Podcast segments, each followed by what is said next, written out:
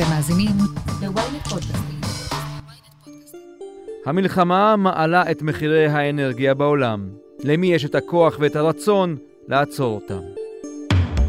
אני אטילה שומפלבי, וזאת הכותרת.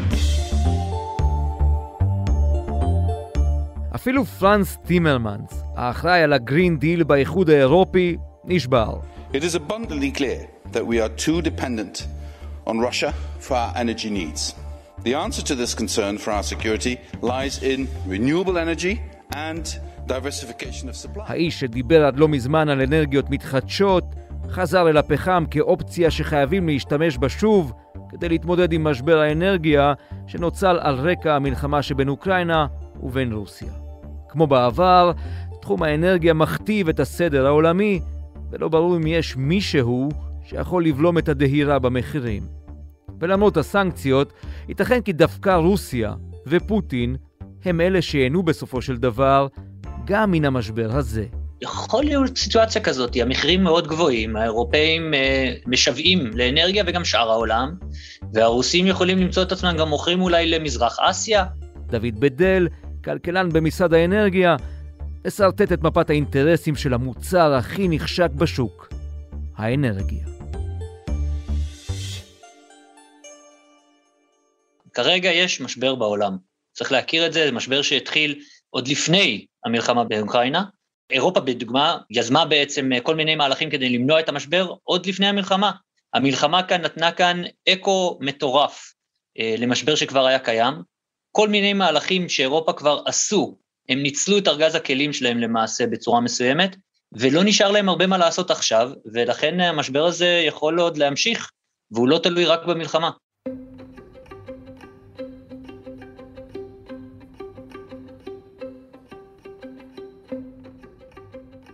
יש קאמבק מטורף של הפחם, אם אני מבין נכון. גז, נפט, אנחנו מבינים למה המחירים עולים, אוטומטית גם הפחם הופך לאופציה. כן, אה, עולם האנרגיה הוא עולם תחליפי. כאשר אה, אנחנו רוצים אנרגיה, אנחנו יכולים לקבל אותו מכמה מקורות. יש מקורות שהם יותר זמינים, פחות זמינים, אה, יותר קלים להפקה, וגם כאלה שרק לחיצה על השיבר תעלה אותם, ותגדיל את יכולת ההפקה. וצריך להבין את הפערים ביניהם. כאשר לאירופה אין גז, וגז זה משהו שאפשר לצרוך אך ורק בצנרת, אז uh, מתחילים uh, לקחת uh, מקורות אחרים, תחליפיים, שזה נפט ופחם, כמו שאתה אומר. הפחם uh, מגיע מכל מיני מקורות, יש עליו מלחמה גם כן. סין היא שחקנית מאוד חזקה בעולם הפחם, ושהאירופאים מנסים לפתור את הבעיה שלהם עם הגז, והם מביאים uh, תחליפים, והמחירים עולים של גם שאר המוצרים. אמרת נפט uh, בצדק, ופחם uh, גם, היום סופג אפילו עלייה יותר גדולה מאשר עלייה בנפט. והדבר המטריד הוא שמעבר לעובדה שהמחירים גבוהים, גם הזיהום שיבוא בעקבות השימוש הגובר בפחם, גם עליו נשלם בעתיד. כן, אנחנו נשלם בעתיד, האירופאים שמובילים את כל העולם של אנרגיה ירוקה, הם בסוף חושבים אפילו לזהם רק כדי שיהיה להם אנרגיה, ואנחנו מתחילים להבין מה זה אמינות של עולם האנרגיה ועד כמה היא חשובה בכלל בכל המערך הזה.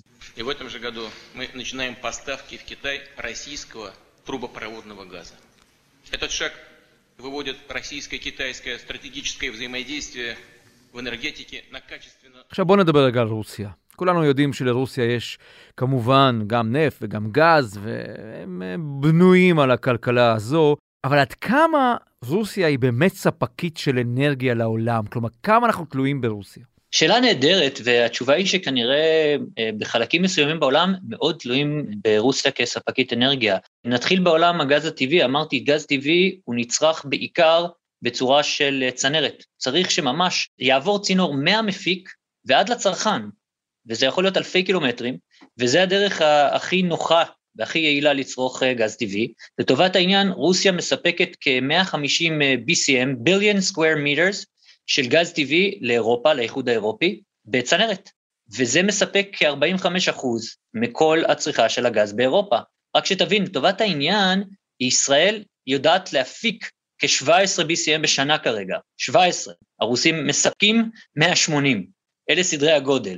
אז רוסיה היא שחקנית שאירופה ממש נשענת עליה, אבל הרוסים הם שחקנים בשאר המקומות גם כן, גם בפחם וגם בנפט, הם מאוד מאוד חזקים. היה ניסיון בעולם להתנתק מן התלות הזאת, להקטין את התלות הזו? כי אנחנו רואים למשל את גרמניה ממש מחוברת בצינורות אל הגז הרוסי. תשמע, יש ניסיונות אה, גם כתנועה ירוקה, אנרגיה ירוקה היא אנרגיה שמופקת במקום של הצריכה. גרמניה גם אחת המובילות של זה. אז זה סוג של התנתקות, אבל האמת היא שבסופו של דבר אמ, אין התנתקות ממש, כי הגז הוא נשאר די יציב בעשורים האחרונים.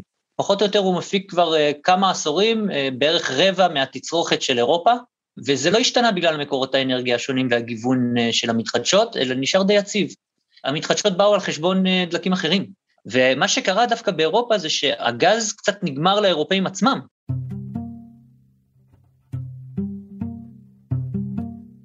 הם היו מפיקים לעצמם שיעורים הרבה הרבה יותר גבוהים, הם התחילו את המאה הנוכחית, בשנת 2000, עם הפקה של 45 אחוז בערך של גז טבעי שהם צרכו, ממקורות שלהם, ובשנת 2020 הם כבר ירדו ל-16 אחוז בלבד, זאת אומרת, הם ממש מסתמכים על יבוא.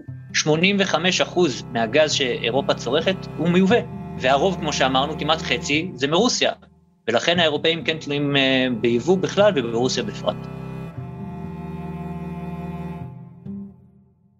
יכול להיות שבפרדוקס מוזר כזה של העולם שבו אנחנו חיים, בסוף הרוסים ירוויחו מן הסנקציות האלה? והפוך על הפוך, בעוד שנה, שנתיים, כשהכול יירגע. בטווח הקצר, יכול להיות סיטואציה כזאת, המחירים מאוד גבוהים, האירופאים אה, משוועים לאנרגיה וגם שאר העולם, והרוסים יכולים למצוא את עצמם גם מוכרים אולי למזרח אה, אסיה, במחירים הרבה יותר גבוהים ממה שהם הכירו. אני חושב שזה אבל בטווח הקצר. בטווח הארוך, ההתנתקות הזאת היא כנראה לא תעשה טוב לרוסיה, היא, היא תאבד לקוחות, והמחירים כנראה כן יתייצבו מתישהו, ואז אה, כנראה שהם יאבדו את זה, אני, אני לא אנסה לחזות מתי דברים כאלה יכולים לקרות. Müssen wir angesichts der jüngsten Entwicklung diese Lage auch neu bewerten, übrigens auch im Hinblick auf Nord Stream 2. Ich habe das Bundeswirtschaftsministerium heute gebeten... האירופאים הם המפסידים הגדולים. הם סובלים מקור בחורף, והם זקוקים לאנרגיה הזאת, לגז. איך הם יתמודדו עם זה? אז הם התחילו להתמודד עם זה כבר בסבב הקודם, הם הגדילו קצת את ההפקה הגרעינית, הם הגדילו קצת את הפחם, את הנפט, כמו שאמרנו, אבל אה, הם בבעיה. כמו, כמו שאני רואה את זה, יש כאן איזשהו משחק אה, תרנגול, כמו שהוליווד אוהבת לקרוא לזה, יש כאן צ'יקן. מי ימצמץ ראשון? הרוסים שצריכים את הכסף האירופאי כרגע, וממש משוועים לו, או האירופאים שממש חייבים את האנרגיה הרוסית. וכרגע שני הצדדים מעדיפים אה, לא לגעת בתחום הזה, כי הוא, הוא די נוח המצב הזה לכולם, וכל שינוי יגבה מחיר גבוה מאחד הצדדים. אתה יודע, הנציב של ה Green Deal באירופה חזר אחורה בשבועות האחרונים, דיבר פתאום על כך שהפחם הוא לא טאבו, אבל צריך לעודד את האנרגיות הירוקות. אפשר לתת גז בתחום הזה של אנרגיות ירוקות, באמת לתת גז ולייצר אלטרנטיבה ממשית? בטווח הארוך כן, אבל בטווח הקצר זה תהליכים ארוכים. גם הטמעה של מערכות של אנרגיה מתחדשת, שדורשת אה, בחלק מהשלבים גם הטמעה של טכנולוגיות של אגירה, הם עדיין לא בשלים ב-100% אה, תמיד לכמות כזאתי. ושוב, אירופה עשתה כבר מהלכים מאוד דרמטיים בעולם של האנרגיות המתחדשות, ואני מניח שבכל מקרה היו ממשיכים לקדם את התחום. בתחום של הגז הטבעי, אירופה תצטרך לעשות אה, חושבים, האם הם רוצים להתחיל לנסות להפיק עוד גז טבעי, לחפש הם צריכים להתחיל אפילו בשלב החיפושים, כדי שהם יוכלו למצוא ולהפיק. אני מבין שחלק מהמדינות כמו נורבגיה, שהיא לא חלק מהאיחוד האירופאי והיא מספקת המון המון גז, כן החליטו להגדיל קצת את החיפושים שלהם, אבל זו שאלת מדיניות שהאירופאים אה, ממש צריכים להתמודד איתה. די ברור שבטווח הארוך הם ינסו להתנתק אה, מהתלות הרוסית, ודי ברור שזה יגיע או על ידי חיפושי גז, או על ידי שדרוג היכולת של אנרגיות מתחדשות.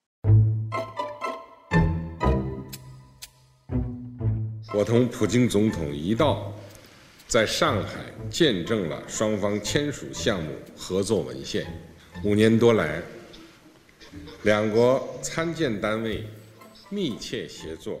יושב שם בבייג'ינג, הדוב הסיני הגדול, וכן מתערב ולא מתערב, כן מתערב ולא מתערב, ומרוויח מכל העסק הזה בכל מובן אפשרי, גם בתחום האנרגיה. אין ספק שהסינים, יש להם עולם אנרגטי קצת שונה. שונה ממה שאנחנו מכירים פה במערב, הם צרכנים אדירים של פחם. הסינים צורכים פחם כמו שכל ארצות הברית צורכת אנרגיה, ומדובר במעצמת על. ובמקביל הם גם מקדמים את עולם האנרגיות המתחדשות. זאת אומרת, האנרגיות המתחדשות שלהם תופסת כבר חלק נכבד מהיכולת שלהם, אז הם עושים איזשהו משחק דואלי, גם מצד אחד הם עושים אנרגיה ירוקה, ומצד שני הם מזהמים עם פחם. הם ניסו קצת להתנתק מהפחם ולעבור לגז הטבעי, אבל המשבר האנרגיה העולמי קצת האט להם את הקצב הזה, כי המחירים של הגז הטבעי העולמי עלו, אז הם העדיפו לחזור קצת אה, לעולם הפחם, והמשבר הנוכחי רק מעמיק את זה. הסינים יכולים להשפיע על מחירי הפחם בעולם, כן, מהבחינה הזאת הם שחקן מאוד מאוד משמעותי, והם יכולים אה, לשנות את המאזן מבחינת אה, שאר המדינות, האם כדאי להם בכלל לצרוך פחם, אפילו כלכלית, שלא לדבר על ברמת הזיהום. מיד נמשיך עם הכותרת, אבל לפני כן יש לנו משהו לספר לכם. שלום, אני עופר שלח. במדינה בה יש פודקאסט לכל אזרח ואייפון לכל ילד, מישהו צריך לדבר על מה שחשוב לנו, האזרחים. אנחנו בכל פרק נשוחח עם דמות בחירה אחרת על סדר היום העתידי של מדינת ישראל, שזו דרך יפה להגיד שנדבר על כל מה שחשוב שהפוליטיקה תעשה בשבילנו, והיא לא תמיד עושה. אז תעקבו אחרי האמת היא בוויינט, ספוטיפיי או באפליקציית הפודקאסטים שלכם. תבואו, יהיה מעניין. האמת היא, עם עופר שלח. עם עופר שלח.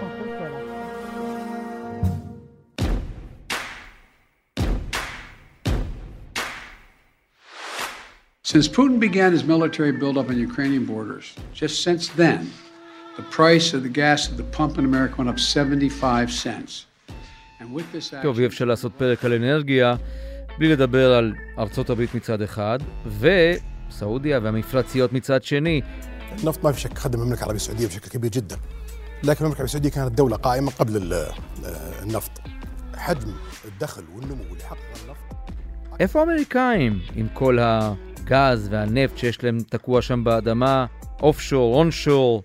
אז האמריקאים עשו תהליכים אה, לפני קצת יותר מעשור שאפשרו להם להגיע לגז טבעי בצורה מאוד אה, נוחה וזולה, ובאמת הם נהנו מזה מאוד. המחירים שלהם נעו סביב ה-2.5 דולר ל-MMBTU, בשעה שבישראל אה, היה בערך 5 דולר ל-MMBTU, ובאירופה זה היה תנודתי ורוב הזמן הרבה יותר גבוה, בסביבות ה-8.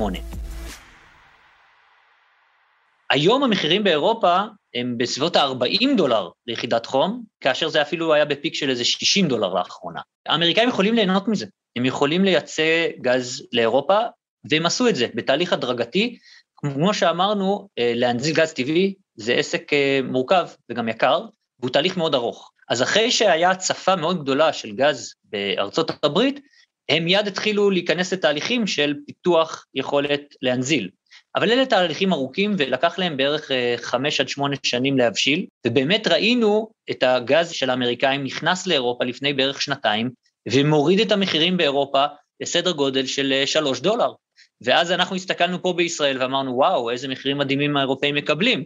עם זאת, אנחנו רואים שהתהליך הזה הוא לא היה בר קיימא מספיק, והאמריקאים, אני לא רואה איך הם מצליחים לייצא כמויות אדירות של גז טבעי מעבר למה שהם כבר עושים היום, זה יהיה להם מאוד מסובך. זאת אומרת, צריך תשתית מאוד ענפה כדי לעשות את זה, וצריך לזכור שגם האמריקאים מחפשים אה, תחליפים לחלק מהמוצרים שהם מקבלים גם מרוסיה, אמנם זה יחסית זניח, אבל התחליף שלהם יהיה בין השאר גם גז טבעי, והם צריכים את האנרגיה של עצמם.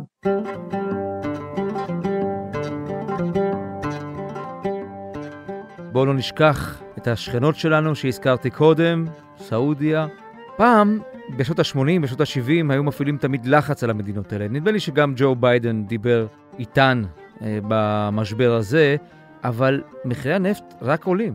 נכון, מחירי הנפט עולים, אה, עדיין לא כמו שאנחנו רואים בפחם דרך אגב, הם עולים קצת בצורה יותר מתונה, וזו באמת שאלה נהדרת האם ארגון אופק, שסעודיה מובילה אותו ומספקת בערך אה, כמעט 45-50 אחוז מהנפט העולמי, האם הם אה, באמת מחזיקים בקנה יכולת של שדרוג.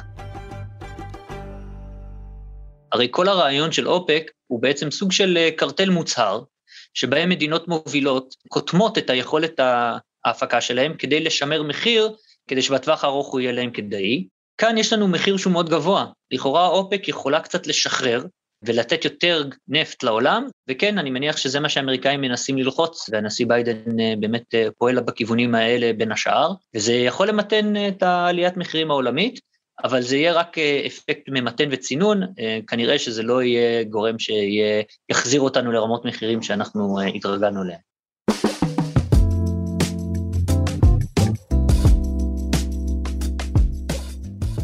ומה שמעניין בסיפור הזה, שדווקא אנחנו, הישראלים, שכל כך התהדרנו במצבורי הגז שלנו לא באמת נהנים מן המשבר הזה ברמה הכלכלית, כמובן. כלומר, אי אפשר למכור לאירופה גז. אה, במובן מסוים אי אפשר למכור לאירופה גז, אנחנו אה, יכולים אה, כן להשתמש בשכנים שלנו שיש להם מפעלים של הנזלה, LNG, כדי לייצא. אנחנו יכולים לנסות למנף את זה, זה תהליך שכאן במשרד האנרגיה אנחנו גם עובדים עליו. גם השרה אלהרר סיפרה שחלק מהמדינות פנו אליה כדי שנוכל באמת לספק לאירופאים עוד קצת גז. וככה אנחנו כן יכולים לנסות ליהנות מהמצב הזה מהבחינה הזאת, וגם לנסות לעזור לאירופאים. מה שכן, שוב, זה לא בסדרי גודל של רוסיה, אנחנו לא יכולים להוות להם תחליף אה, לא בטווח הקצר וכנראה גם אה, לא בטווח הארוך. דוד בדל, לסיום, אם אני מסתכל על המפה הגיאופוליטית אה, וגם הכלכלית וגם האנרגטית, ברור לגמרי שהמלחמות של המאה ה-21 הן סביב אנרגיה. ברור לחלוטין, לפחות בשלב הזה. יכול להיות, אנרגיה זה תחום מרתק. אה, אנחנו כאן במשרד האנרגיה עושים את הצעדים אה, שאנחנו אה, רואים לנכון כדי לשמר גם גיוון מקורות אנרגטיים, גם מחיר שהוא יהיה כמה שיותר תחרותי לצרכן, וגם לקדם אנרגיות גם מתחדשות, כדי שגם יהיה נקי פה. בדיוק מהסיבה הזאת, טוב שיש לישראל לא עצמאות אנרגטית מלאה, אבל אנחנו בהחלט בכיוון מאוד חיובי בעשור האחרון, ומה שעוזר לנו גם לעבור קצת את המשבר הזה בצורה קצת יותר טובה ממדינות אחרות.